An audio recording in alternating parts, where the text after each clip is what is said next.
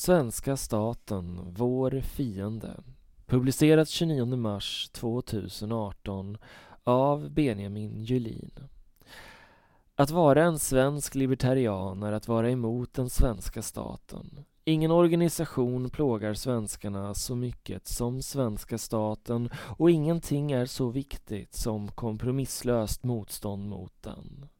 Ett Sverige utan svenska staten skulle vara lugnare, vackrare och rikare. Människor skulle tjäna sitt levebröd genom att tjäna varandra, inte genom att tjuva andra.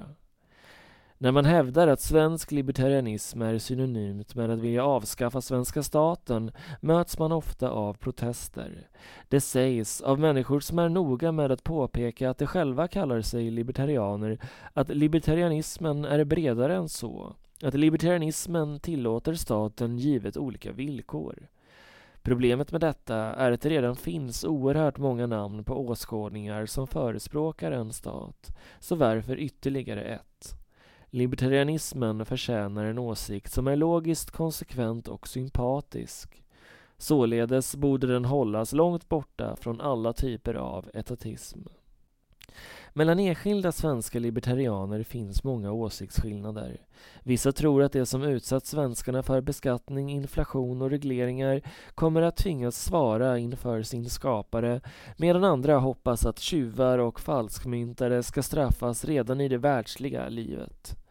Många sätter högt värde på kultur och tradition, några sätter lägre värde på kultur och tradition men detta är inte avgörande skillnader eftersom alla libertarianer håller med om att svenska staten måste väck.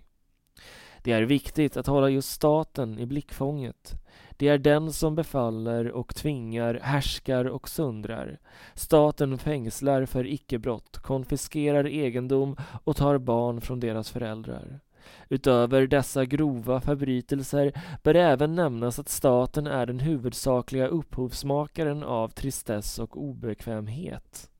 Den upprätthåller ett monopol på alkohol med målet att förstöra människors alkoholupplevelse, avgör hur många stugor som får byggas på en tomt och skapar bostadsbrist för att gynna olika särintressen.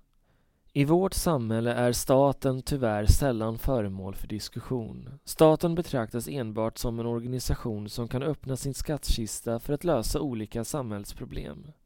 Hur staten kom över de resurserna eller om statliga problemlösningar kan få några sekundära effekter pratas det aldrig om. Staten ifrågasätts helt enkelt inte. I denna situation är det lätt att tappa sikte. Det är lätt att tänka att frågan om staten inte är relevant, att andra problem är mer relevanta och att libertarianismen, i egenskap att vara emot staten, inte har svaren på de riktigt viktiga frågorna. Så är det inte alls. Den svenska staten har aldrig varit så mäktig som den är nu och har aldrig tidigare kunnat komma undan med sånt som den nu gör. Skattesatser på 70 procent, totalövervakning, regler och befallningar om varenda aspekt av livet är alla nya fenomen.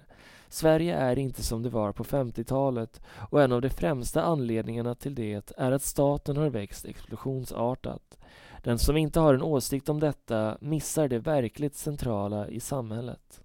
Istället för att prata om monstret i rummet hamnar andra frågor i fokus. Till exempel utländska staters aktiviteter och gängkriminalitet.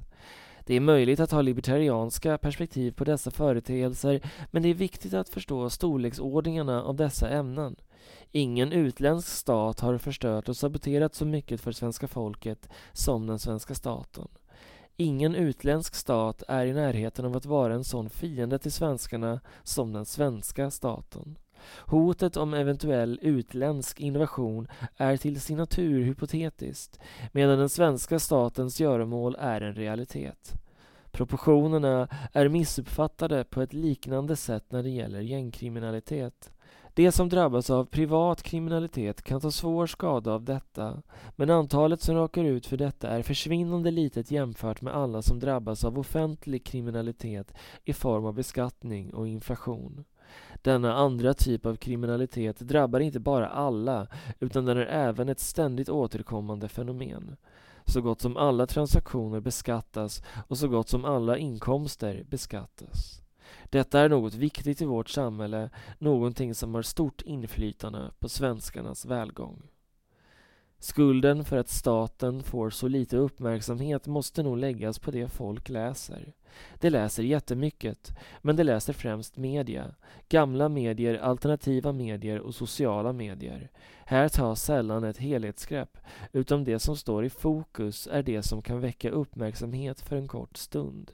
För den som istället studerar vårt samhälles historia, läser de stora tänkarna och reflekterar över vad som sker i alla svenskars vardag, kan inte staten undgås. Det hade varit underbart om vi inte hade behövt libertarianismen, men så är inte fallet. Den svenska staten är kolossalt inflytelserik och ingen annan ideologi än libertarianismen har en genomtänkt analys av denna varelse. Libertarianismen slutar vara behövd den dag som den svenska staten slutar existera. Men tills dess är många andra samhällsfrågor i stort sett endast distraktioner som tjänar till att skydda staten.